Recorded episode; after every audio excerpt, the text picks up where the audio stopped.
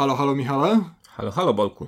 Witamy bardzo serdecznie w już trzynastym odcinku podcastu, który nazywa się Ścieżka Dźwiękowa i zaczynamy od razu od bardzo, bardzo, bardzo istotnego ogłoszenia. Otóż kolejny odcinek Ścieżki Dźwiękowej będzie miał premierę nie za dwa tygodnie, ale już za tydzień będzie to odcinek specjalny. Pierwszy, mamy nadzieję, z szeregu tego typu odcinków. Holiday Special w którym e, rozmawiamy nie o takiej bieżączce, jak zwykle nam się zdarza, ale tym razem całą naszą uwagę poświęcamy jednemu wyjątkowo świąteczno-rodzinnemu tematowi. A co dzisiaj nas czeka, Michał? Dziś dwa bardzo fajne seriale: Big Little Lies i Legion. A poza tym e, Ghost in the Shell w odcinku, w części odcinka Terra Premiera no i przy okazji tegoż filmu rozmawiamy sobie o innych filmach, tak zwanych cyberpunkowych. Tak jest, które być może spodobają Wam się bardziej niż Ghost in the Shell. A może nie. Zapraszamy. Zapraszamy.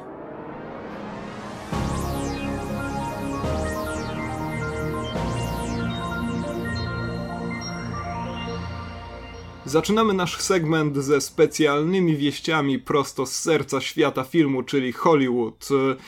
Odnotujemy sobie, bo chyba nie są warte dłuższych wzmianek, e, kilka zwiastunów, które się pojawiły. Pojawił się zwiastun nowego Spidermana, który faktycznie jest takim ćwiczeniem na to, jak w 3 minuty upchnąć cały film. Nawet nie całe 3 minuty. Michał, widziałeś ten zwiastun? Widziałem, widziałem. To jest takie ciekawe, ale nie nowe przecież, bo kiedyś mieliśmy na YouTubie takie filmy y, z króliczkami, czy filmiki raczej, bo mówi się, że na YouTubie są filmiki, a nie filmy prawdziwe. Filmy prawdziwe są zastrzeżone do kin. E, mieliśmy takie filmiki, które na przykład w formie animacji z króliczkami streszczały cały, całą tajemnicę Brokeback Mountain. Nie wiem, czy oglądałeś coś takiego kiedyś. No a tutaj mamy specjalny, specjalny tak. filmik z pajączkiem. Z pajączkiem właśnie i Ironmankiem. Ja przyznam, że pierwszy raz od bardzo dawna byłem znudzony w połowie już oglądania zwiastunu. Wy wygląda to jak kolejna banalna superbohaterska produkcja, a inną e, produkcją superbohaterską, która doczekała się zwiastunu był film Liga Sprawiedliwych, ale zwiastun był za ciemny, żeby go oglądać, więc nie wypowiemy się na jego temat. Dokładnie, ja nie byłem w stanie jednak podkręcić jasności w swoim laptopie do tego stopnia, żeby zobaczyć cokolwiek na ekranie, więc czarno widzę ten film. Odhaczamy Ligę Sprawiedliwych i jeszcze dosłownie 33 sekundy przed włączeniem nagrywania pojawił się zwiastun Mumii, kolejny zwiastun Mumii, ale odmawiamy oglądania tego zwiastunu. Znaczy, dla mnie ten film zapowiada się całkiem nieźle, bo w końcu y, Tom Cruise gra y, w filmie, którego tytuł jest adekwatny do tego, jak Tom Cruise wygląda. Tak, Tom Cruise to jest człowiek, który w jakiś taki zupełnie dziwaczny sposób się zakonserwował. Ja pamiętam, że te sceny z nim bez koszulki w misjach niemożliwych i w Jacku Richerze są strasznie niepokojące. On wygląda tam bardzo, bardzo nienaturalnie. No może znajdzie swoją niszę na kolejne 150 lat szczęśliwego życia w Hollywood. Może tak. W końcu ciągle jest e, ostatnią gwiazdą hollywoodzką z prawdziwego zdarzenia, która swoim tylko nazwiskiem jest w stanie do kin przyciągnąć, e, a drugim... I do kościoła scjentologicznego też. Tak, od razu, po drodze. E, albo zaraz po powrocie w niedzielę. Najpierw kino, później kościół, później scjentologiczny koniecznie, a później skaczący małysz. Liam Neeson, Michał, to jest za to takie nazwisko, przy którym chcieliśmy się dłużej zatrzymać imię, ponieważ nie wiemy, czy Liam, czy Liam. E, co, ja, ja co z nim się wydarza? Przy Liamie bym, bym, się zawsze zatrzymał jednak. Zawsze tak, przy Liamie. Tak. No, wydaje mi się, że o, o, ile śledzę piłkę irlandzką, a śledzę ją raz na dwa lata, w zasadzie nie raz na dwa lata, bo Irlandia to tak raz na 10 lat chyba w jakimś wielkim turnieju występuje, to jednak tam ci piłkarze, przynajmniej w interpretacji Dariusza Szpakowskiego, specjalisty od imion i nazwisk y, z całego świata, na imię mieli zwykle Liam, więc no, tego się trzymajmy. Tak jak Tom Cruise jest ostatnią wielką hollywoodzką gwiazdą, tak Dariusz Szpakowski jest ostatnim autorytetem w mediach, więc trzymajmy się tego. I co z tym Nisonem, Michale, się wydarzyło ciekawego? Znaczy, wydarzyło się z nim coś ciekawego y, lat temu, chyba 10, tak? Wtedy pierwsza uprowadzona mniej więcej się pojawiła, czy... Mniej więcej chyba tak. Właśnie. I nagle y, Liam Neeson stał się gwiazdą kina akcji. Y, to taka największa wolta gatunkowa od czasu przekształcenia Nicolasa Cage'a w gwiazdę kina akcji, zanim został y, gwiazdą kina klasy Z. No tak, ale powiedz może naszym słuchaczom, czemu w ogóle wspominamy o Liamie Neesonie teraz? No Jaki no, news cię do tego sprowokował? Ma zostać Filipem Marlowem. Nie wiem, czy znasz taką postać literacką. Zapewne znasz. Zapewne tak. Słyszałem nieraz. Z, z interpretacji filmowych pewnie Bogarta i Michuma, Michuma chociażby. przede wszystkim. No i co, pasuje Liam Neeson do najsłynniejszego detektywa kina czarnego? Poniekąd pewnie pasuje, bo Philip Marlowe to taki detektyw, który potrafił przywalić z pięści. Chociaż y, często struktury książek Chandlera były takie, że najpierw Philip Marlowe obrywał i nie wiem, czy jesteśmy w stanie ym, przyjąć film, w którym Liam Neeson najpierw dostaje wciry, a potem prowadzi śledztwo, bo on zwykle od razu przechodził do tego śledztwa i bił ludzi. Tak, Więc a czy- śledztwo ograniczało się do jednej strategicznie przeprowadzonej rozmowy telefonicznej. Dokładnie, więc czy ktokolwiek jest w stanie uwierzyć, że ktokolwiek inny jest w stanie pobić y, Liama Neesona? No chyba, że jakiś Jason Statham może. tak. Mnie trochę Liam Neeson nie pasuje o tyle, że ja jednak przywykłem kojarzyć tego Filipa Marlowa z tymi 150 centymetrami wzrostu, na które dorósł e, Humphrey Bogart, e, ale Liam Neeson jest... Miczum był trochę wyższy, tak? Tak, tak, taka tak, progresja. Ro, ro, rośnie, wiesz, Marlow wraz z dekadami kina kolejnymi. Tak więc Marlow XXI wieku wreszcie ma ponad 2 metry. E, Co ciekawe, Liam Neeson rzeczywiście 10 lat temu zmienił się e, w gwiazdę kina akcji, ale jeszcze przecież przed i przed Gwiezdnymi Wojnami, gdzie grał takie skrzyżowanie gwiazdy kina akcji z Mistrzem Zen, e, czy przed listą Schindlera, gdzie w ogóle z tym kinem akcji nie mieliśmy za bardzo do czynienia. No, ale ratował ludzi, tak, Tak, jak tak, później. tak, no. więc, e, to, to, to jednak zdarzało mu się grywać e, w, w, w przeróżnych filmach, gdzie przede wszystkim dawał ludziom po twarzach albo ewentualnie celnie do nich strzelał z jakiejś e, efektownej broni. No więc e, bardzo dobrze, że ten ogromny e, Szkot czy Irlandczyk? Irlandczyk, tak? Irlandczyk. Irlandczyk, że ten ogromny Irlandczyk teraz będzie w za małym kapeluszu gdzieś tam przemierzał mroczne ulice i od czasu do czasu dawał ludziom w mordę. Super. Ja jestem jak najbardziej za tym. A czy wiadomo w którym wcieleniu go zobaczymy? To znaczy jaka historia ma być przeniesiona na ekran? Tego nie wiemy. Nie wiemy. Ja czekam na Wielki Sen, na remake Wielkiego Snu, ponieważ e, ci z was, którzy widzieli ten klasyk Howarda Hawksa, właśnie z Humphreyem Bogartem i towarzyszącą mu piękną Lauren Bacall, e, pamiętają zapewne, że w tym filmie zupełnie nie wiadomo o co chodzi, tak samo zresztą jak w pierwowzorze książkowym. E, mamy tam wątki, które nie doczekują się wyjaśnienia, więc e, Wielki Sen wspaniale by się sprawdził w dzisiejszej e, kulturze blockbustera, gdzie po prostu już nikt nie zwraca uwagi na to, czy film ma sens. Wtedy to jeszcze był jakiś problem, dzisiaj pewnie by nie był. Ewentualnie mielibyśmy jakiś materiał na trzygodzinny odcinek interpretacyjny, tak? O co chodziło w tym filmie.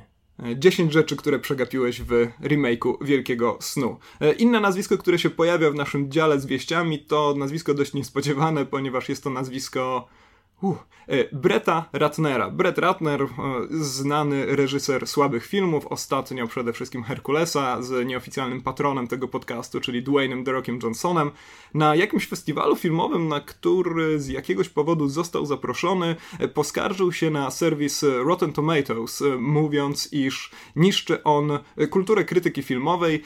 Ta jego argumentacja była taka dość prosta i powszechna. Chodzi po prostu o to, że kiedyś to była krytyka filmowa, to byli prawdziwi specjaliści, intelektualiści, literaci, Pauline Kiel i tak dalej, a teraz tylko numerki i cyferki. A ty, Michał, tęsknisz za starą, dobrą krytyką filmową i nienawidzisz liczb Oczywiście. procentów? Oczywiście, że tęsknię bardzo za Zygmuntem Kałużyńskim, któremu zapewne niektóre filmy Brata Ratnera by się spodobały, bo Zygmunt Kałużyński, jak wiemy, zawsze lubił iść pod prąd, y, nawet kolegom swoim, którzy hołbili pewnych reżyserów, a tłamsili innych, no i być może byłby takim obrońcą e, Breta Ratnera, ale ja Breta Ratnera na pewno e, bronić nie będę. Sądzę, że może Rotten Tomatoes jest mniej przydatnym narzędziem, ale na przykład oceny na Metacritic, takim innym portalu, agregacie, jak to się brzydko mówi z angielskiego, ocen filmowych krytyków z całego świata są mi dosyć jednak przydatne w kontekście wyboru filmu, na jaki pójdę do kina. Rotten Tomatoes broni się tutaj, bo w ogóle zajęli oficjalne stanowisko w sprawie jakiejś krótkiej wypowiedzi Bretta Ratnera na jakiejś konferencji prasowej, co jest dość imponujące, że mają na to czas. Broni się stwierdzając, że nie tylko prezentują tą wypadkową ocen, która powstaje rzeczywiście według jakiegoś takiego bardzo dziwnego systemu, podług którego nawet jeżeli komuś odrobinę spodobał się film, to już Rotten Tomatoes Tak. stwierdza, że jest to film pozytywnie Kciuk oceniany w górę albo kciuk w dół, tak? tak, No. to oprócz tego Rotten Tomatoes zamieszcza u siebie linki y, do recenzji. Te linki są wyimkami z tych recenzji, więc jeżeli, jeżeli stwierdzimy, że jakiś krytyk ma tutaj wystarczająco dla nas cięty język, no to wtedy można przeczytać całą recenzję.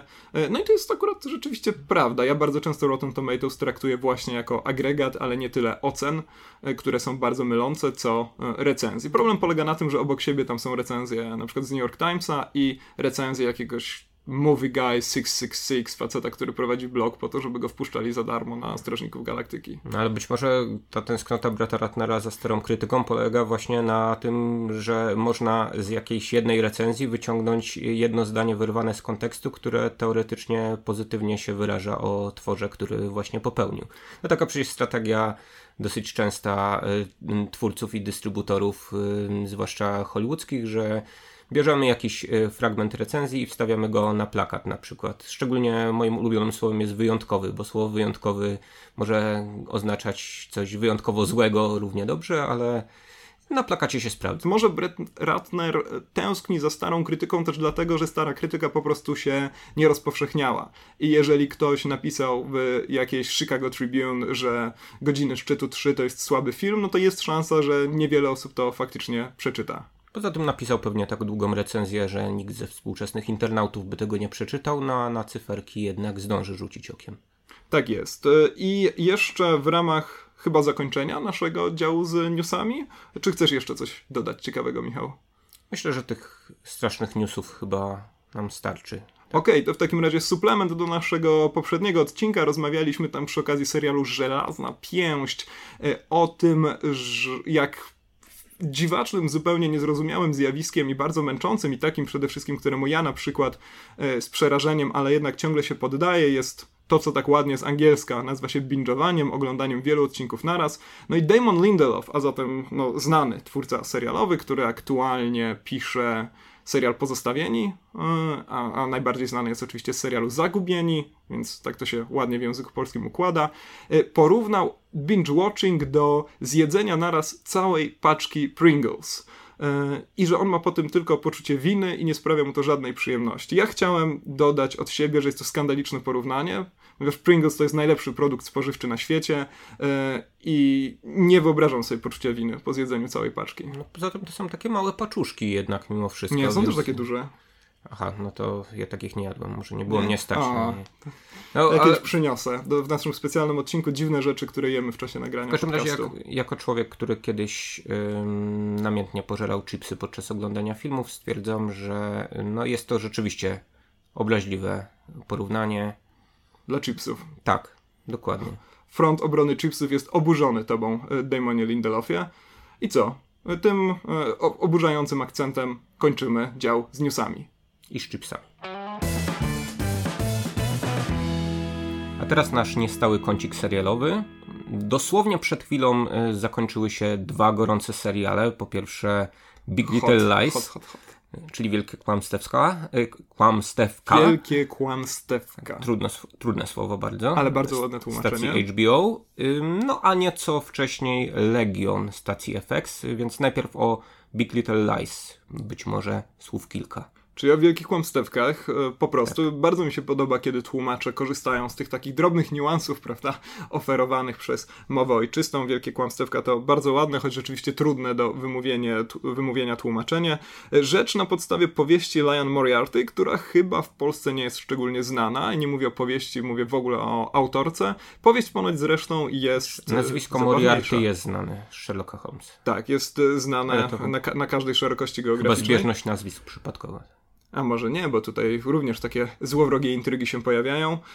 To jest e, film, czy też serial wyprodukowany przez Nicole Kidman i Reese Witherspoon, które zresztą też nam grają. E, Michał, ty masz jakieś e, informacje o tym, jak wygląda w ogóle polityka Reese Witherspoon, jeżeli chodzi o kupowanie praw do różnych produkcji? Nie rozmawiałem bezpośrednio z Witherspoon, natomiast z dobrego źródła wiem, że ona skupuje hurtowo można nawet powiedzieć, prawa autorskie do bestsellerów współczesnych.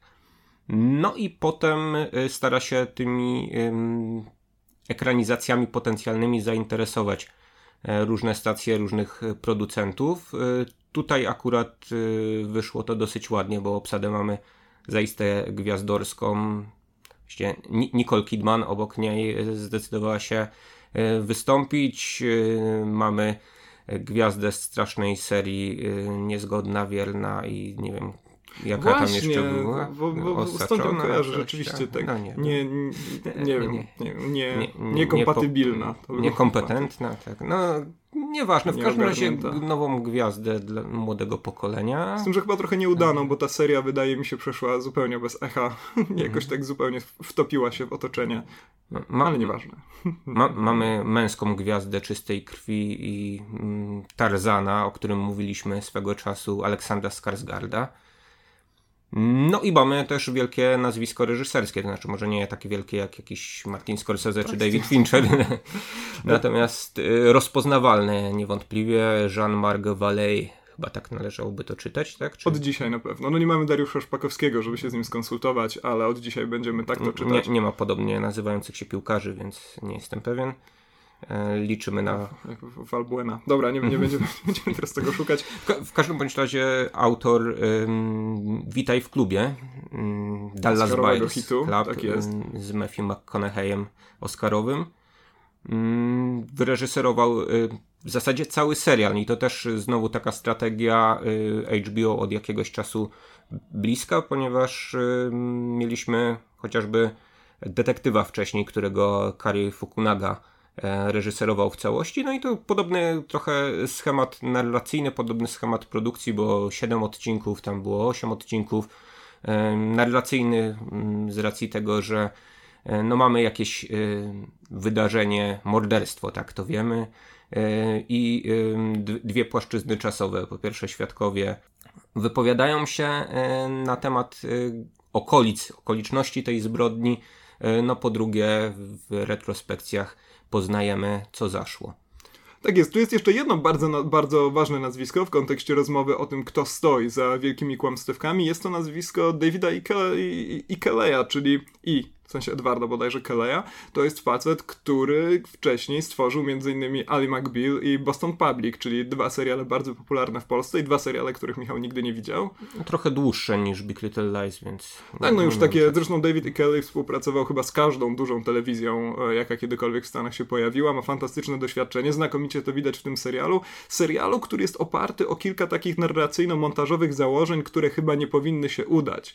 E, a jakimś cudem się udają, może w ogóle powinniśmy od tego zacząć, że to jest kapitalny serial, absolutnie znakomity. E, nie wiem, czy patrzysz na mnie krzywo, czy, czy, czy, nie, czy zawsze, się zgadzasz? Zawsze patrzę na ciebie nie, tak To jest po prostu krzywo, taki wzrok pełen podejrzeń do otaczającego świata. Rozumiem. Tak. E, Dokładnie. Serial, serial jest znakomity. Jeżeli nie oglądaliście go na bieżąco, to święta to jest wspaniały czas, żeby go nadrobić. E, z jednej strony mamy właśnie te podstawowe dwie płaszczyzny czasowe, wokół których serial jest skonstruowany, a z drugiej strony mamy tutaj e, tak, to, to, ten zabieg montażowy w takiej mikroskali, to znaczy e, sceny, e, które wydaje nam się, że wiedzą, gdzie i, wiemy, gdzie i kiedy się wydarzają, nagle rozbite są różnymi takimi bardzo krótkimi, czasem dosłownie kilkuklatkowymi e, ujęciami z jakiegoś nieznanego nam miejsca i czasu. I biorąc pod uwagę charakter tych wmontowanych scen, bo to są na przykład dzieci w zwolnionym tempie biegające po plaży, albo majestatycznie przewalające się fale morskie i tak dalej. Zaka Snydera, tak? Tak, tak, tak, tylko wszystko jest trochę jaśniejsze. No te sceny po prostu krzyczą nam w twarz, że e, całość będzie ohydnie pretensjonalna i nie nadająca się do niczego, a tutaj, no być może właśnie dzięki talentom i, i, i Valego e, i Keleja wychodzi to wspaniałe. Cały film utrzymany jest e, w takiej rzeczywiście lekko sennej atmosferze. Tak, to jest ciekawe, że zarazem rozgrywa się w takim miejscu w Kalifornii, które jest jednak e, rozświetlone tym południowym kalifornijskim e, słońcem e, dość mocno, ale mamy jakąś zagadkę kryminalną. Nie boję się użyć tego Dobrze, słowa. To jest Chociaż podcast, gdzie używamy mocnych, odważnych słów. Przez siedem odcinków nie widzimy tak naprawdę żadnych śledczych i policjantów. To znaczy widzimy policjantów przez moment, tak? Zaraz gdzieś tam, gdy, gdzie, gdzie pokazane jest, że do y, zbrodni doszło. Natomiast y, poniekąd y, ten serial mimo wszystko posługuje się jakąś taką strukturą zagadki kryminalnej a la Gata Christie, prawda? To znaczy wszyscy są potencjalnie podejrzani, przez te 7 odcinków no, taki, takiego poznawania różnych bohaterów i ich dzieci, bo te dzieci tam też są istotnym punktem zapalnym całej intrygi. Wydaje nam się, że każdy mógł mieć motywację, żeby kogoś zabić. No, mówię kogoś, bo też tak naprawdę no nie wiemy do samego końca kogo. Ciekawe jest też to, że ten serial e, wydaje mi się, zdawałby się równie znakomity, gdyby tego wątku morderstwa w ogóle tam nie było. E, każdy z tych odcinków jest e, skonstruowany w ten sposób, że teoretycznie, no nie teoretycznie, w praktyce też daje nam jakieś nowe podpowiedzi dotyczące tej głównej zagadki, ale jednocześnie te podpowiedzi rozbudowują po prostu nasze spojrzenie na życie głównych bohaterek i tak naprawdę fantastycznie ten serial broniłby się też jako coś, co no, autor programu telewizyjnego dodawanego do wyborczej nazwałby kinem obyczajowym. Być może z tych seriali, które znamy gdzieś tam gotowe na wszystko, mogłyby się pojawiać jako skojarzenie, ale e, no wielkie kłamstewka jednak są produkcją po pierwsze poważniejszą, po drugie dużo odważniejszą formalnie, e, no mimo, że to w Gotowych na Wszystko mieliśmy narrację prowadzącą przez, prowadzoną przez nieżywą e, bohaterkę, e, więc nawet jeżeli wywalimy stąd tę zagadkę kryminalną, serial sprawdza się znakomicie. Spróbujcie oglądać od drugiego odcinka. No ale przez to, że punktem wyjścia jest morderstwo, jednak coś złowieszczego wisi nad tym takim sielskim momentami miasteczkiem, prawda? I to chyba... Tak, to jest Monterey w ogóle.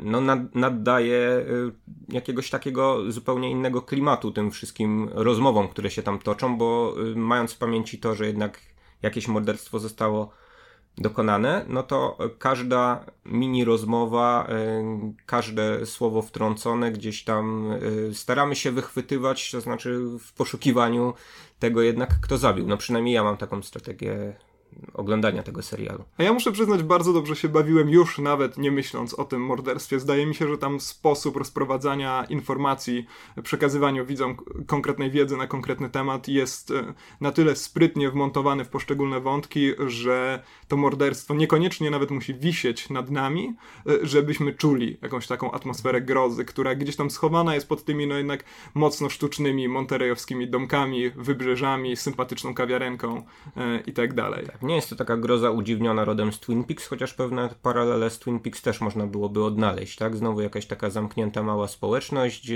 znowu e, jakiś klasowy podział tutaj się jednak mimo wszystko zauważa, choć ludzie są w większości e, bogaci w tym miejscu, ale są bogaci i bogatsi, jak, jak to zawsze bywa. Y, niemniej jednak y, to, to właśnie, że punktem wyjścia jest y, morderstwo i to, że relacje między bohaterami są dosyć nieoczywiste i często też odwracają się, może nie często, ale odwracają się jednak w tym serialu czasem między różnymi postaciami o 180 stopni, no sprawia, że, że ten serial wciąż jest jakąś taką bardzo ciekawą do e, rozwikłania e, zagadką, dlatego może zainteresować właśnie ludzi, których e, no, takie gotowe na wszystko, jak mnie niespecjalnie interesowały.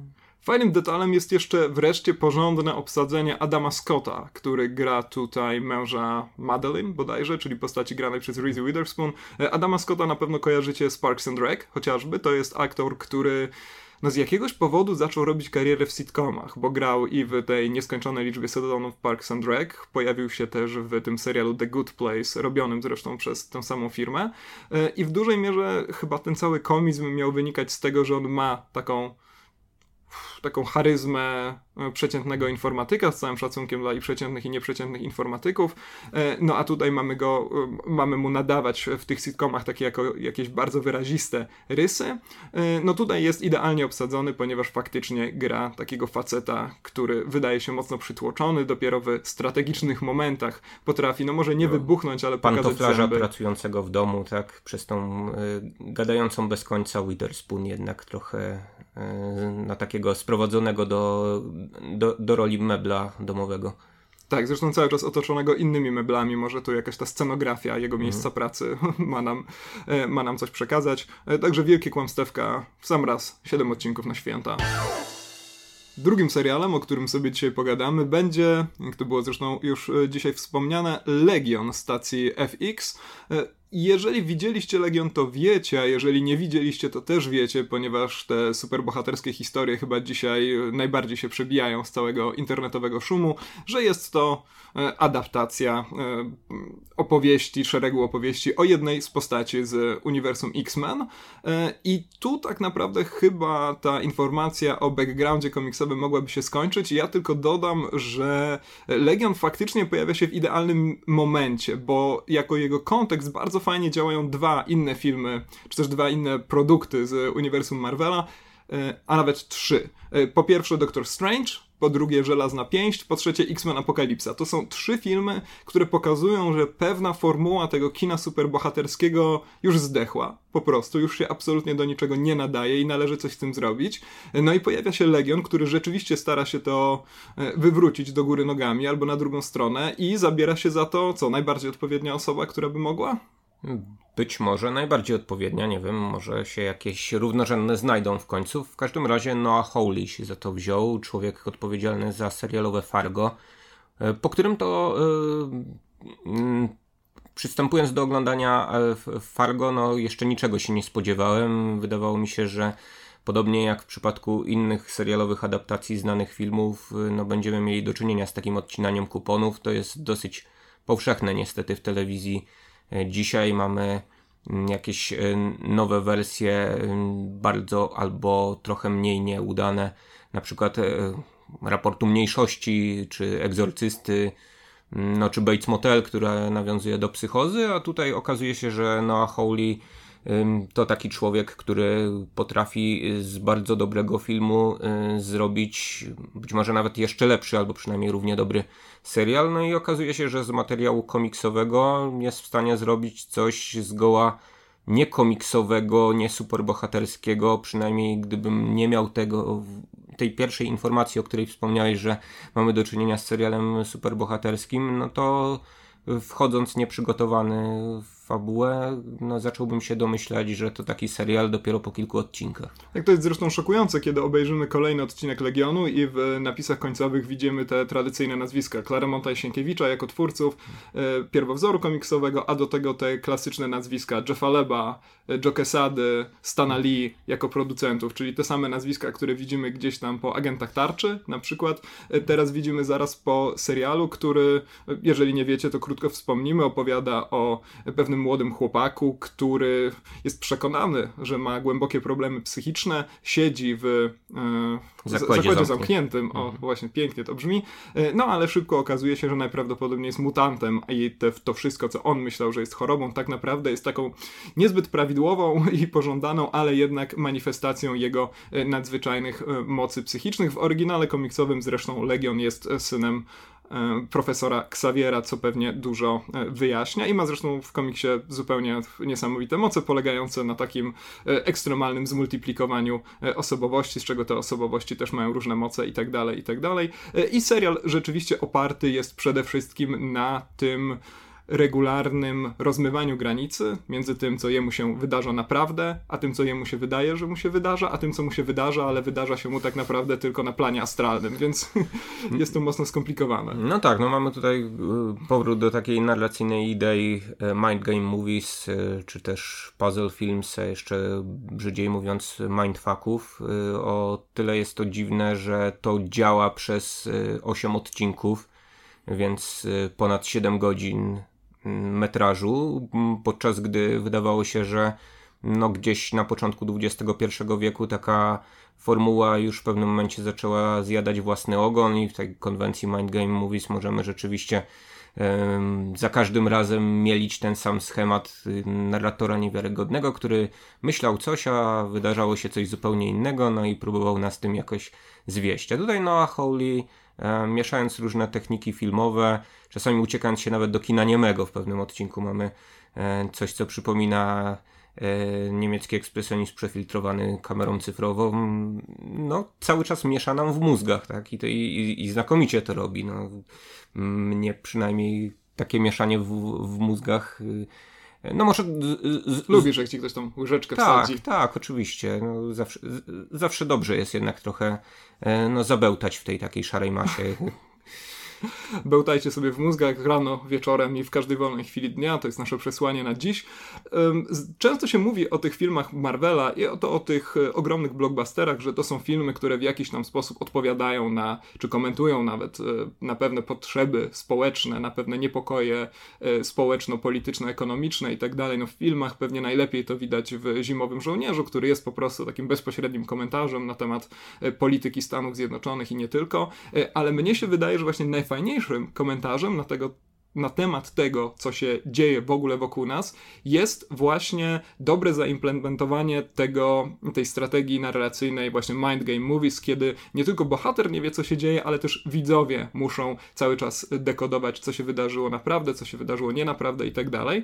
Y, bo to oczywiście nie jest y, nic y, nowego, ale mam wrażenie, że dzisiaj to wybrzmiewa jeszcze lepiej, kiedy tak naprawdę Legion jest świetnym treningiem przed wejściem do internetu, przed tak na, czyli tak naprawdę skonfrontowaniem się z tym głównym wymiarem rzeczywistości, w którym na dzisiaj przebywamy, e, bo żyjemy jednak w świecie tych nieszczęsnych, fałszywych wiadomości. E, żyjemy w świecie, gdzie tak naprawdę już e, pewna wizja na temat tego świata totalnie, nawet jeżeli zupełnie fałszywa, zlewa się z tym, co naprawdę się wydarza poza internetem. Pływają jakieś niebieskie wieloryby. Tak, tak właśnie. Chociażby pływają Pożerają niebieskie wieloryby. Dzieci. My przyjęliśmy miliard imigrantów z Ukrainy, a wszystkie statystyki dotyczące przestępczości w Stanach Zjednoczonych są e, ponoć e, zafałszowane, e, więc to oczywiście nie jest żaden nowy pomysł, jakby takie filmy nawet jak Rozmowa pewnie Coppoli, mhm. czyli jeszcze lata 70 też siedziały właśnie w tym niepokoju społecznym związanym z szeregiem tych wszystkich nieprzyjemnych wydarzeń lat 60., 70., z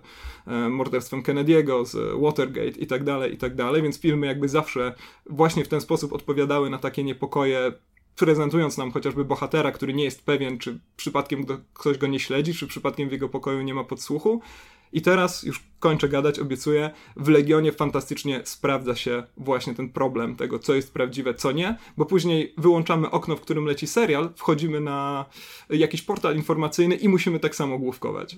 Tak, ale żeby też słuchacze nie myśleli, że mamy do czynienia tutaj z filmem, z takim thrillerem konspiracyjnym, spiskowym, tak? No jednak ten, e, ten film nie y, ucieka y, gdzieś do takiej namacalnej rzeczywistości tu i teraz. Najczęściej rozgrywa się albo w głowie bohatera, albo na jakichś e, różnych mniej lub bardziej fantastycznych planach, bądź w zamkniętej e, społeczności, mm, no, która może być taką, taką społecznością, która będzie ewoluować jednak e, w stronę jakiegoś nowego zbiorowiska tych mutantów. No a mamy na przykład plan astralny też y, kompletnie. Tak, no to jest kompletna fantastyka. Mhm. Ani razu nie udaje, że ma cokolwiek wspólnego z rzeczywistym światem, ale właśnie wydaje mi się, że sama decyzja dotycząca formy tego serialu może być odczytana jako jakiś tam komentarz na temat rzeczywistości. Zupełnie nie nowy, ale w miarę nieźle zaimplementowany, bo ja akurat. Y, y, wydaje mi się, że tobie się chyba Legend bardziej podobał niż mnie. Ja miałem pewien problem w trzecim, czwartym i piątym odcinku.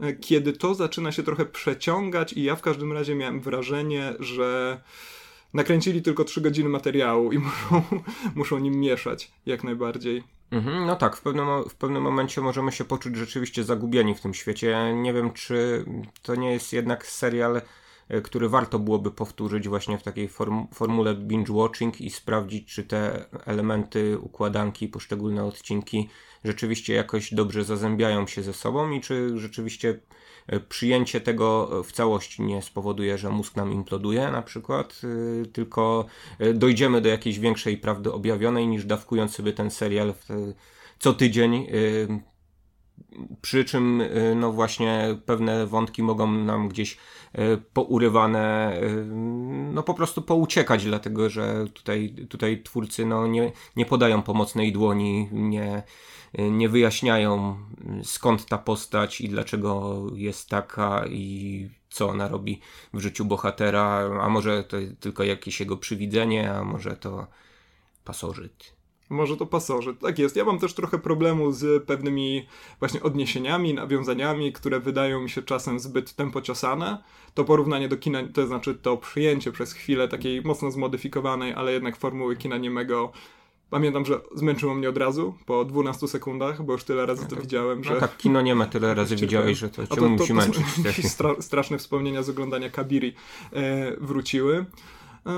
Czasami może zbyt dosłownie dobrane tematy muzyczne na czele z utworami Pink Floyd w ostatnim, ostatnim odcinku, ale kiedy rzeczywiście ten serial gdzieś tam w piątym czy szóstym odcinku zaczyna wchodzić na trochę nowe tory fabularne, to jest hmm. bardzo odważne e, stwierdzenie, to rzeczywiście ogląda się go znowu tak wspaniale, jak oglądał się pierwszy odcinek, którym byłem głęboko, głęboko zachwycony. Oglądałem go też w gorączce, więc może dlatego. Tak, jakby powiedzieli ym, amatorzy wina, y, finish jest znakomity, tak? Czy finał jest znakomity? Bo, już... Finish, bukiet...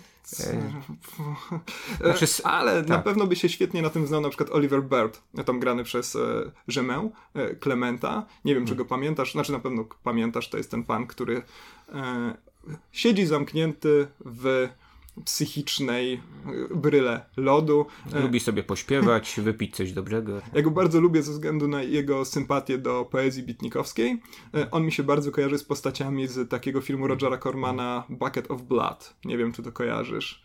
To jest taka bezczelna satyra na bitników. Zresztą wydaje mi się, że całkowicie na legalu dostępna w internecie, w jakimś mhm. archive.org albo coś. No właśnie, gdzieś. Y, czy nie jest trochę tak, że w tym filmie postacie drugoplanowe są jednak fajniejsze od y, pierwszoplanowych? Ponieważ wydaje mi się, że y, Obrej Plaza też tutaj, zwłaszcza pod koniec tego serialu, E, pokazuje, że no ona nie jest jakimś takim dziwnym dodatkiem do sitcomów, jakim chcą go, ją widzieć czasami e, twórcy serialowi, tylko no, potrafi e, zagrać w różnym spektrum, że tak powiem, emocji, zagrać postać no, psychopatyczną do, do, do, do, granic możliwości.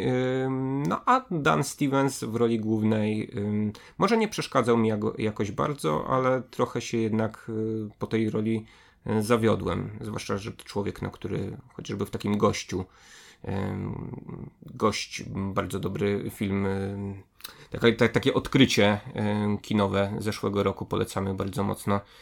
No był taką niespodzianką, a tutaj tak, no on ma też ten problem, że jego postać, e, czy też inaczej w mózgu jego postaci, albo w umyśle jego postaci musi zmieścić się cała fabuła.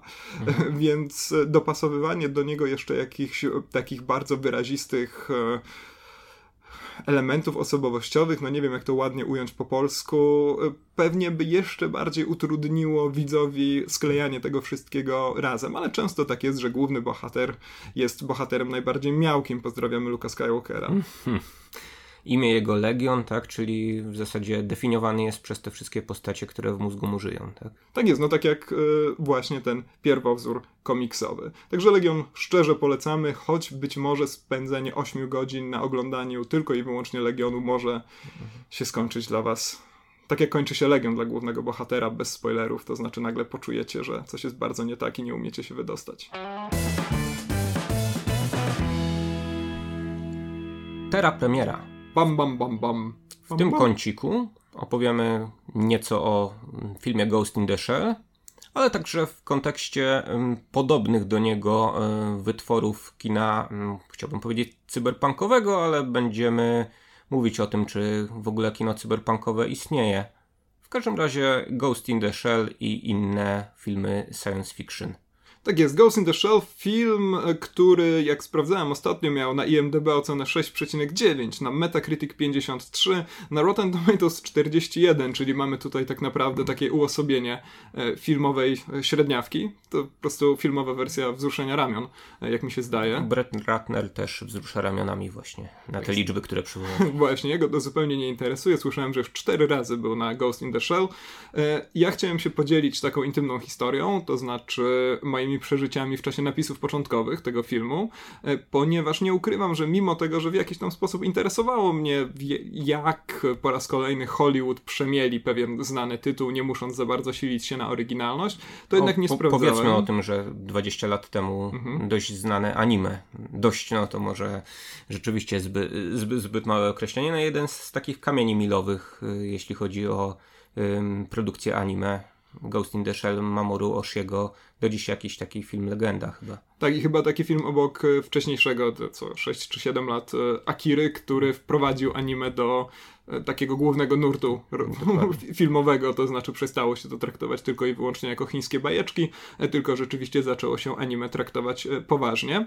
No ale ja nie interesowałem się za bardzo, kto tam zaangażowany jest w tą produkcję i miałem takie dwa zaskoczenia w czasie czołówki. Pierwsze pozytywne, kiedy zobaczyłem nazwisko nikogo innego, tylko Takeshiego Kitano, czy też beat Takeshiego Kitano, bo tak akurat przedstawia się w tym filmie, co jak wiadomo jest istotne, ponieważ beat Kitano i Takeshi Kitano to jest niby ta sama osoba, ale tak naprawdę dwie różne, choć teraz to się chyba wszystko zamazało. Jeżeli nie znacie twórczości Takeshiego Kitano, a podobało wam się jak wciela się w Aramakiego, czyli szefa mm, tej sekcji, e, którą oglądamy w filmie, no to koniecznie musicie sięgnąć po te jego klasyczne filmy typu Brutalny Glina, Punkt Zapalny, e, jeżeli macie ochotę na takie takie mord... wyjątkowo spokojne mordobicie. Może w ten no, sposób. Jeżeli jesteście bardziej subtelnymi jednostkami, to polecamy Lalki. Tak, albo Hanabi. E, Lalki to jest taki film, który u nas był zresztą Pamiętam w czasach, kiedy ja byłem w liceum niezmiernie popularny. E, dość dużym echem się odbił. Może dlatego, że go dodali do Vivy?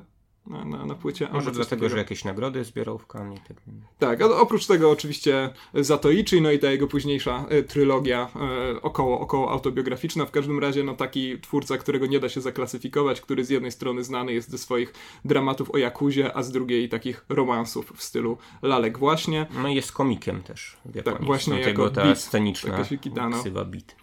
I co ciekawe, to nie jest jego pierwszy, pierwsza przygoda z kinem około cyberpunkowym, ponieważ grał w Johnnym Mnemoniku, takiej wyjątkowo nieudanej próbie przeniesienia estetyki i ideologii cyberpunku na, na, na duży ekran.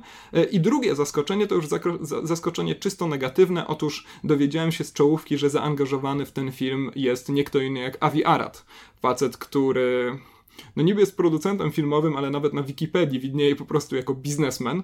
E, człowiek, który jest odpowiedzialny za te wszystkie dramaty filmowe typu Spider-Man 3, które kojarzone są przede wszystkim z tym, że reżyser nie miał nic do powiedzenia, bo producent wszystko naginał do jakichś odpowiednio dobranych grup fokusowych i tak dalej, i tak. Więc kiedy go zobaczyłem, to trochę się zmartwiłem. Ale słowa producent filmowy i biznesmen się wykluczają dla ciebie, tak? Nie, ale uważam, że to jest interesujące, kiedy e, biznesmen pada jako pierwsze skojarzenie, bo jeszcze producent filmowy zawiera w sobie jakąś chęć tworzenia być może interesujących historii. Biznesmen zdaje mi się już niekoniecznie. Aż masz takie romantyczne wyobrażenie na temat na produkowania filmów. Na temat produkowania filmów. Produkowanie filmów, tak, produkowanie chipsów. Chociaż mieliśmy filmów do chipsów, już nie porównywać. No i nazwisko Scarlett Johansson, akurat wiedziałem, że Scarlett Johansson w tym filmie gra. Yy, I jak ci się podobała Scarlett Johansson jako cyborg major? Znaczy to jest taka aktorka, która chyba ma już pewne doświadczenie w kreowaniu postaci cokolwiek nieludzkich. E, dla mnie Scarlett Johansson zawsze była w jakiś sposób nieludzką aktorką. Nie jestem zupełnie E, fanem tej postaci, mówiąc e, całkowicie eufemistycznie, a wręcz e, znaczy mówiąc dosłownie, w większości filmów Scarlett Johansson zwyczajnie nie cierpię. Akurat jej wycieczka do Japonii kiedyś w miarę się udała, ponieważ film między słowami Sofii Coppoli wciąż uważam za no, taki taki highlight, jeśli chodzi o, o, o, o, samą Scarlett, ale udawały się też te filmy, w których właśnie grała kosmitkę, na przykład film pod skórą. Tak, Jonathana Glazera. To jest chyba jej najlepsza kreacja do dzisiaj. Mhm. Ona w ogóle świetnie się sprawdza, kiedy właśnie gra. Grała sztuczną inteligencję Siri, tak. Tak jest, właśnie kiedy... Rozmawiając z Joaquinem Phoenixem kiedy rzeczywiście nie wymagamy od niej popisywania się nadzwyczajną gamą emocji i kiedy gra przede wszystkim ta jej bardzo charakterystyczna uroda i rzeczywiście no, w Ghost in the Shell to cudownie Scarlett Johansson się prezentuje, jest według mnie główną zaletą tego filmu. No i ostatnie nazwisko to Rupert Sanders, reżyser, który do tej pory miał na koncie jeden pełnometrażowy film, czyli Królewnę, Śnieżkę i Łowcę. E, i w kontekście którego spotkałem się z takim e, bardzo przyjemnym, krytyczno-filmowym określeniem blockbuster traffic cop, czyli blockbusterowa drogówka. E, to, to określenie pojawia się w kontekście reżyserów, których jedyną rolą jest no tak naprawdę dostosowanie materii filmowej do pewnych bardzo podstawowych wymogów superprodukcji. E, jakakolwiek wizja, która poza e, te wymogi superprodukcji wykracza, powinna tutaj zostać odprowadzona na pobocze, dostaje mandat i odsyłamy ją do domu. E, nie wiem, czy w przypadku takiego człowieka jak Sanders powinniśmy szukać jakichś um, porównań czy punktów wspólnych między filmami, które tworzy, ponieważ no, pewnie jest to człowiek do wynajęcia, który robi co mu taki Avi Arad e, każe, ale mimo wszystko wydaje mi się, że Ghost in the Shell z Królewną Śnieżką i Łowcą łączy jednak dbałość o stronę wizualną filmu i ta strona wizualna zarówno w tamtym, jak i w tym filmie wydaje mi się największym atutem filmów Sandersa. No rzeczywiście w Ghost in the Shell ta strona wizualna jest e, chyba obok Scarlett Johansson e, naj, najwspanialszą rzeczą, albo jedyną wspaniałą rzeczą po tak, prostu. Dla ciebie Scarlett Johansson to też strona wizualna filmu. No zwłaszcza, że zdaje mi się, że to była jej też główna rola, e, jej główna funkcja, o, w ten sposób w, w tej filmowej wersji Ghost in the Shell.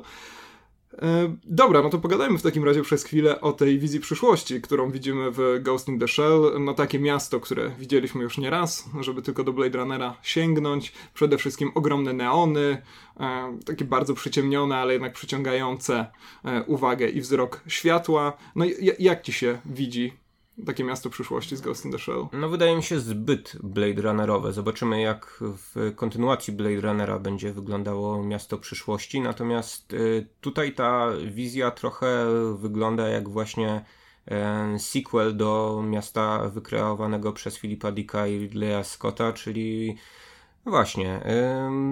Wieżowce skąpane w deszczu bądź w jakichś y, oparach, y, wyziewach y, niespecjalnie dobrych dla zdrowia.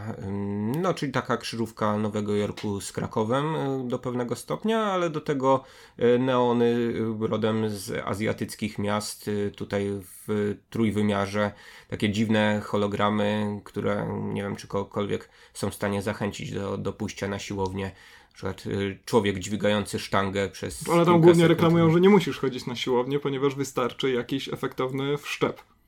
I to już zastąpi no więc właśnie, siłę więc, więc pytanie, wyrobioną naturalnie. pytanie, dla kogo te hologramy i kto płaci prąd za to wszystko? Chyba, że... Chyba, że jakoś inaczej one są utrzymywane. No ja mam bardzo duży problem z miastem e, w tym filmie, z tym jak to miasto jest e, wykreowane, przedstawione, bo ono rzeczywiście wygląda bardzo efektownie. Te ogromne hologramy wyglądają na ekranie zaprawdę fantastycznie. No ale to już wyglądało właśnie efektownie w Blade Runnerze, prawda? No i tutaj mamy dołożone więcej neonów. Tak? No ale problem polega na tym, że ta wizja przyszłości, jak mi się zdaje, jest wyprana tak naprawdę paradoksalnie z jakiejkolwiek wizji, bo jestem głęboko przekonany, że marketing nie idzie w tą stronę. Mhm. Nie, nie idzie w stronę ogromnych hologramów, które masowo usiłują nam wepchnąć jakiś produkt do gardła. E, raczej idziemy pewnie w stronę takiej bardzo mocno zindywidualizowanej reklamy typu e, powiadomienie na komórkę, kiedy mijamy jakiś sklep, o którym algorytm wie, że kiedyś napisaliśmy o nim w mailu, że nas interesuje.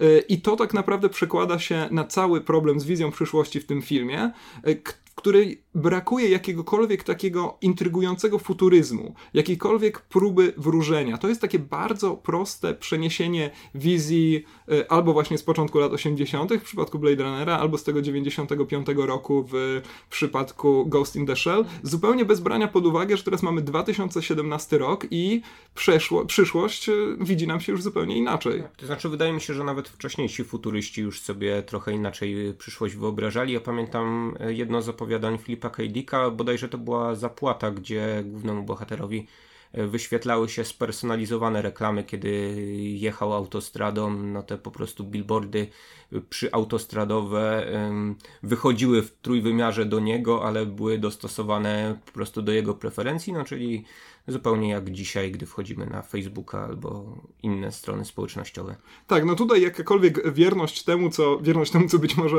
kiedyś się wydarzy, e, zostaje złożona w ofierze wizualności, no czego też e, bardzo wyrazistym dowodem są te wszystkie kable, ta bardzo brzydka, kanciasta teo, e, technologia, która opiera się przede wszystkim na wtyczkach, źródle prądu i tak dalej. No na górze neony, a na dole targ mięsny z półtuszami, oczywiście wystawionymi na te wszystkie zanieczyszczenia, które po ulicach sobie e, wesoło krążą. W dzisiejszym świecie nie do pomyślenia, zwłaszcza w tych e, wysoko rozwiniętych e, cywilizacjach, gdzie mięso się oczywiście pakuje w folie ochronne, tak? A tutaj... Tak, a tutaj coś, co przypomina no. naturalny targ, aczkolwiek fakt, że produkty na tym targu wystawione są na takie wszystkie zanieczyszczenia i tak dalej, gdzieś tam mogłyby, mogłoby pasować do tego słynnego określenia high-tech, low-life Davida Ketterera, który gdzieś tam z tymi mm, t, produktami cyberpunku jest kojarzony, to znaczy sam fakt, że technologia idzie do przodu nie sprawia, że jakość naszego życia się polepsza, choć w tym kontekście cyberpunku to dla mnie wizja przyszłości w Ghost in the Shell jest trochę za mało dystopijna.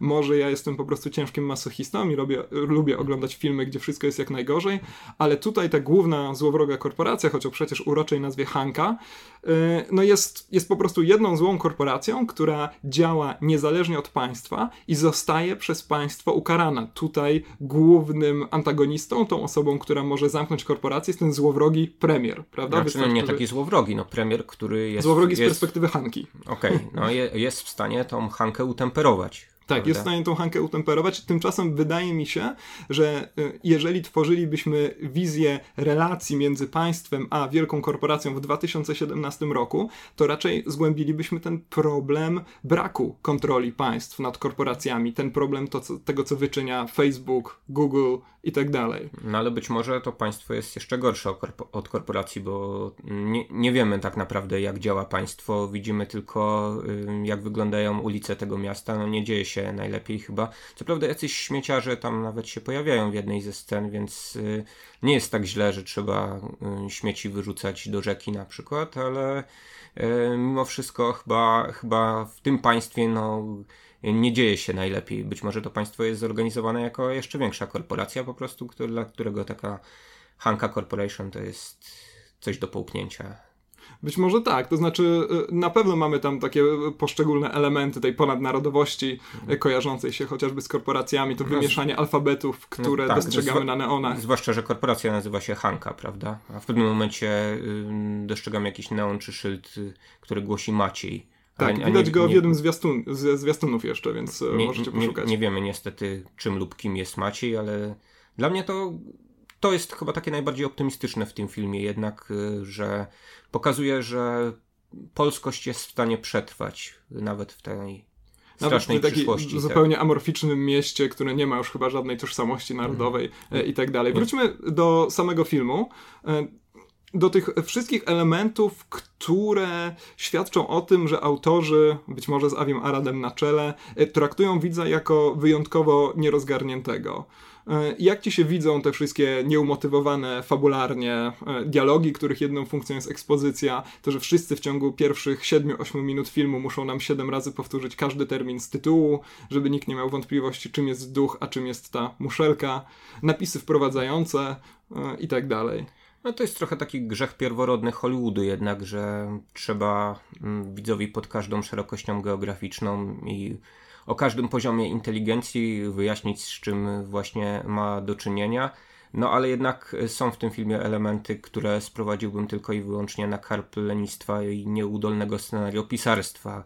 Jeżeli w jednej z początkowych scen dwie wysoko postawione postacie w tej Hance wielkiej korporacji E, rozprawiają o tym, do czego mają użyć cyborga, którego właśnie skonstruowali po latach prób i błędów, jak się w toku filmu e, okazuje, no to jest to, e, jest to cokolwiek śmieszne, bo chyba najpierw się zastanawiamy, co robimy, a nie nie najpierw budujemy jakiegoś, jakieś monstrum Frankensteina współczesne i, dla niego i, no i jakieś, co, on mógłby, co on mógłby robić? Hmm. Układać książki na półce, czy może sprawunki nam A może zabijać ludzi?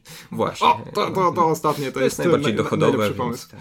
tak jest. E, fajnym przykładem tego, e, jak rzeczywiście ekspozycja potrafi strasznie zepsuć odbiór filmu jest Mroczne Miasto Alekso Projasa z 98 roku. To jest film, który szczerze polecam, ale tylko i wyłącznie w wersji reżyserskiej reżyserskiej, ponieważ jest to film oparty na bardzo efektownym zwrocie, który no, w pewnym momencie zwraca, y, zdradza nam w jaki sposób ten świat jest uporządkowany, kto tam za tym wszystkim stoi. E, tymczasem wersja producencka, która do dzisiaj chyba jest niestety wersją naj, najbardziej e, dostępną, po prostu zdradza nam to wszystko w napisach początkowych, żeby później widzowi mózg nie, nie eksplodował przypadkiem. Ja czekam na taką wersję jednak Gwiezdnych Wojen, gdzie już na początku będzie napisane, że Darth Vader, ojciec Luka, gdzieś tam sobie siedzi, a w tym czasie nieświadomy niczego Skywalker. Może, może się doczekamy tego. To w ogóle jest interesujący problem, jak niektóre filmy e, i nie tylko filmy jednak decydują się zawierzyć widzowi, niczego nie tłumaczą. E, tutaj niemal wspomniany przez ciebie George Lucas e, nie wprowadzał przecież zupełnie widza w świat THX 1138, przez co ten film był jeszcze bardziej fascynujący. No, na gruncie literatury Jacek Duka, tak, to chyba tak, tak, tak, potem, ale potem George Lucas już o midi-chlorianach e, był skory opowiadać wyczerpujące. Tak, no później postanowił e, żadnego e, niedopowiedzenia w swoich filmach, broń Boże, nie pozostawiać.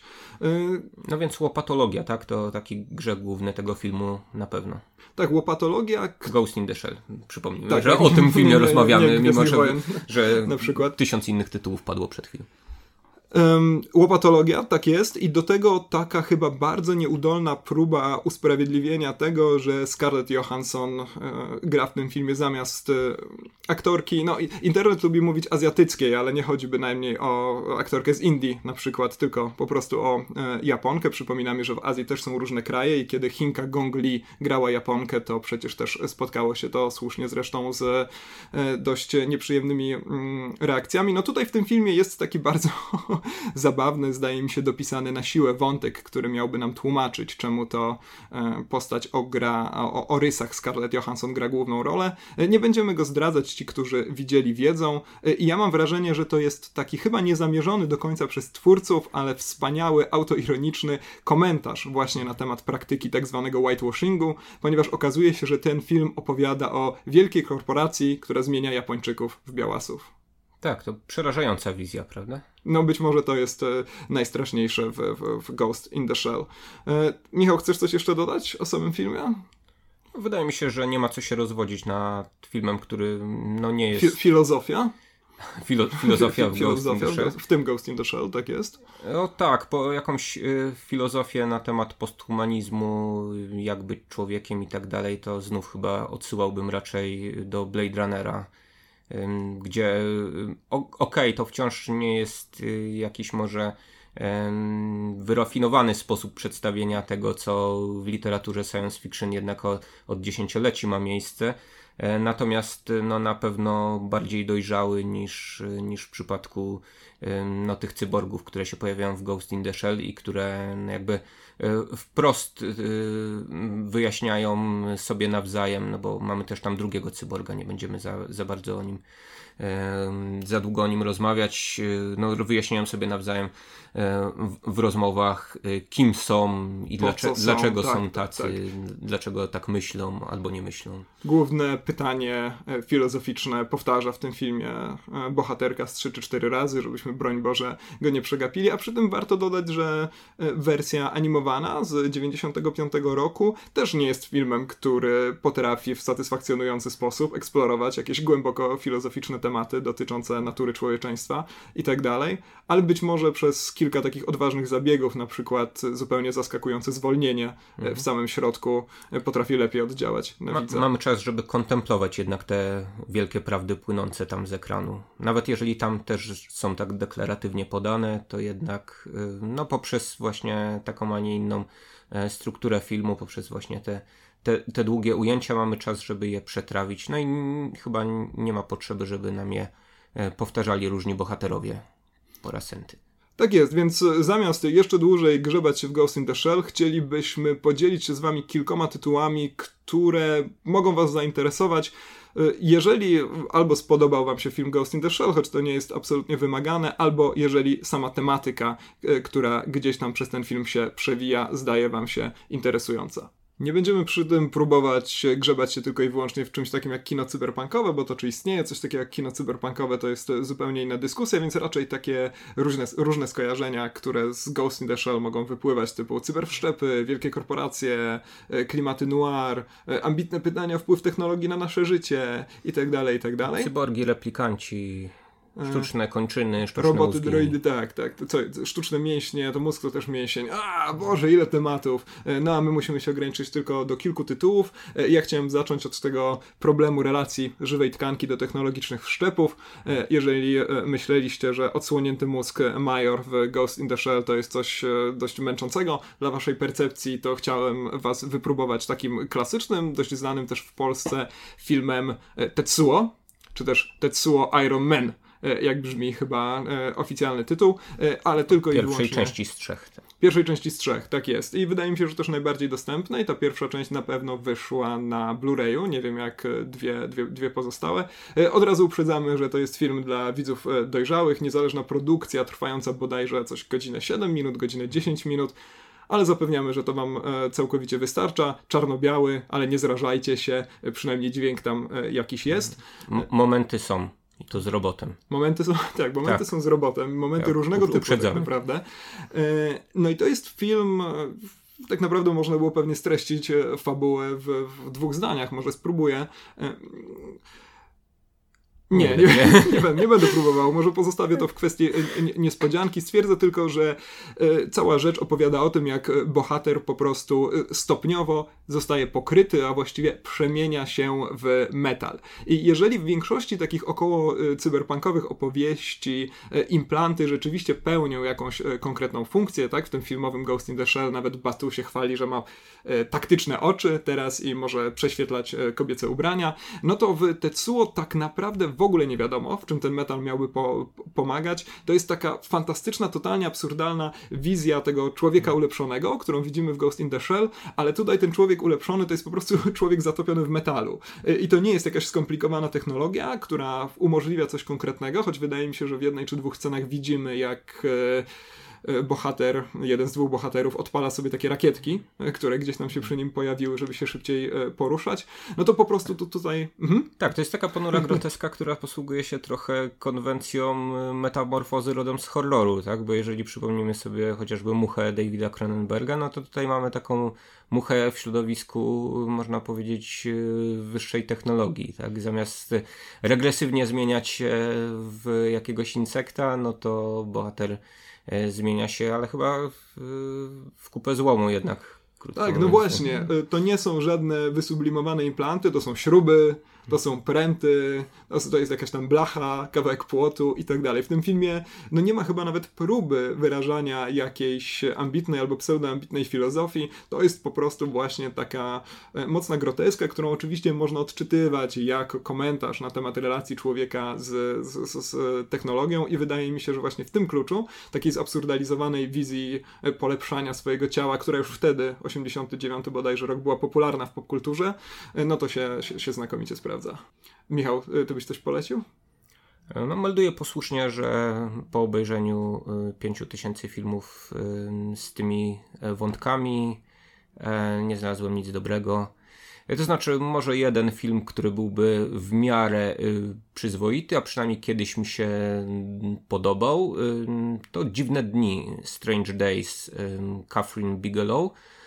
Taki film, e, w którym w świecie niedalekiej przyszłości dostępne będą e, zapisy mm, Zapisy tego, co przeżyli różni ludzie, dostępne będą na laserowych dyskach, więc tu już mamy jakąś taką trochę przedatowaną wizję, prawda? Bo... Dostępnych w supermarketach za 4 zł. E, dokładnie, można sobie na takiej e, płytce ala DVD Blu-ray e, no, zakupić chociażby wspomnienia płatnego zabójcy, no i Ralph Fiennes z, z długimi, tłustymi włosami gra takiego hakera, handlarza tym nielegalnym towarem, bo to jednak nielegalny towar jest. Tak, tak, takiego, takiego pirata powiedzmy. Gdzieś, gdzieś tam pomiędzy intryga kryminalna, ale taka dosyć, dosyć ciekawa jednak mimo wszystko wizja tego, jak e, technika sprzężona e, z umysłem, no gmera, gmera w mózgach współczesnego, no, a w zasadzie futurystycznego człowieka, no ale coś, co dzisiaj już mamy no, na, różnych, na różnych portalach y, dostępne, ponieważ możemy sobie poglądać różne mniej lub bardziej brzydkie filmy POV, tak, nagrane y, kamerami cyfrowymi, więc poczuć się trochę, jakbyśmy patrzyli oczami kogoś innego na świat. Ja chyba mam trochę bardziej pozytywne podejście niż Michał, ponieważ ja znalazłem przynajmniej jeszcze jeden tytuł, który z dziką przyjemnością wam polecę i to jest e, film Nemesis z 1992 roku. Tak, ja też znalazłem ten tytuł, chciałem powiedzieć od razu i, i wyrzuciłem od razu. A tam, bzdura. E, film wyreżyserowany przez Alberta Puna, czyli jedną z taką najfajniejszych i chyba najbardziej niedocenionych postaci popularnej kinematografii. To jest twórca och, nie wiem, 40 być może filmów klasy B, który niestety od niedawna e, z powodu choroby już, e, już, już, już, już nie kręci filmów. No, pracował między innymi dla tej słynnej wytwórni Canon, którą świetnie kojarzycie z VHS-ów, które być może kiedyś wypożyczaliście sobie z, z lokalnej wypożyczalni. E, on jest autorem Cyborga z Van Damme, autorem filmu Omega Doom z Rutgerem Hauerem. Zrobił też tego Kapitana Amerykę z 90 roku, który być może Same najmniej się broni. Tak, Same megahity wypożyczalni E, wczesnego Polsatu e, i tak dalej. Piunowi zdarzało się nawet e, pracować za darmo, byle tylko móc nakręcić jakiś film.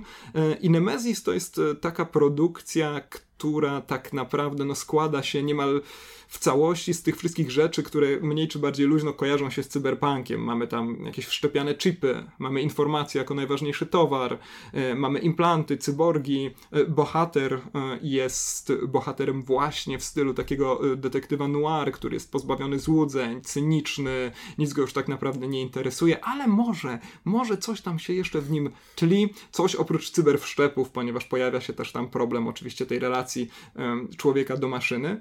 Nemesis to jest e, kino akcji. E, najczystszej wody kino akcji, tak jest, albo mordobicie po prostu. E, w gruncie rzeczy pewnie niewiele, niewiele odbiegające poziomem od tego najnowszego kinowego Ghost in the Shell, ale ja je jednak polecam, ponieważ jest w tym jakiś taki sznyt e, charakterystyczny dla kina, no bądź co bądź niezależnego, tak naprawdę, bo niezależnego od tych największych korporacji, nie muszącego zarobić ciężkich pieniędzy. I taki film, w którym Albert Piun świetnie pokazuje, jak operować w ramach mocno ograniczonego materiału. Więc e, pewnie w takiej no nie może przyjemności filmowej czysto Nemesis nie dostarczy, ale jest to na pewno y, rzecz, którą, którą ogląda się z zainteresowaniem. O, tak bym to podsumował. No, ja z zainteresowaniem tego nie oglądałem i ludziom uczulonym na filmową autorszczyznę raczej odradzam, ale... A Michał nienawidzi kina. Tak, tak. Kopanego zwłaszcza. to, to, to, to jest podstawowe zastrzeżenie. Co jeszcze? Ja bym jeszcze wyciągnął kilka rzeczy, którym, którym warto się przyjrzeć. E, Neuros Hotel to jest interesująca rzecz, nawet jeżeli no nie, nie jest to wybitne kino, bo to jest y, adaptacja opowiadania Williama Gibsona dokonana przez znanego reżysera Abla Ferrara. Znanego narkomana Abla Ferrara. Tak. No oprócz tego, który czasem y, między kole, kolejnymi odjazdami postanawia nakręcić jakiś film. E, z Wokenem, z Dafoe i z Asią Ar Argento, córką e, słynnego włoskiego reżysera. E, adaptacja kilkustronicowego zaledwie opowiadania Williama Gibsona, które utrzymane jest w takiej stylistyce niepewności, retrospekcji, wspomnień. Polecam najpierw przeczytać opowiadanie, a później sprawdzić, jak Abel Ferrara poradził sobie z takim bardzo dużym wyzwaniem, tak naprawdę, adaptacji tego typu tekstu na ekran. Być może, jeżeli przeczytasz przeczyta się najpierw opowiadanie, to zrozumie się o co w tym filmie chodzi, no i może uchroni was to przed snem w ogóle godzinnym. A może już nigdy nie zaśniecie, po prostu. E, I na YouTubie jeszcze hula taki dokument, który nazywa się No Maps for These, these Territories, tak jak nie ma map dla tych terytoriów. Przepraszam. E, to jest film, w którym William Gibson po prostu, oczywiście twórca Neuromancera i człowiek uważany, być może trochę niesłusznie za twórcę cyberpunku, siedzi po prostu na tylnym siedzeniu samochodu, rozmawia z różnymi ludźmi, innymi z Bono, y, na temat technologii, człowieczeństwa itd. to tyle, jeśli chodzi o rozmowy o człowieczeństwie, ponurych ścieżkach ludzkiej egzystencji i innych trapiących nas współcześnie problemach. W następnym odcinku ścieżki dźwiękowej porozmawiamy o rzeczach przyjemniejszych. A te wszystkie ponure, nieprzyjemne filmy, o których sobie dzisiaj rozmawialiśmy, wymieniamy w komentarzu na Facebooku, a konkretnie komentarzu do posta, który informuje o istnieniu tego odcinka. Uf, więc e, tam możecie wszystkie te tytuły znaleźć. A na razie bardzo dziękujemy i do usłyszenia. Sayonara, żółwie.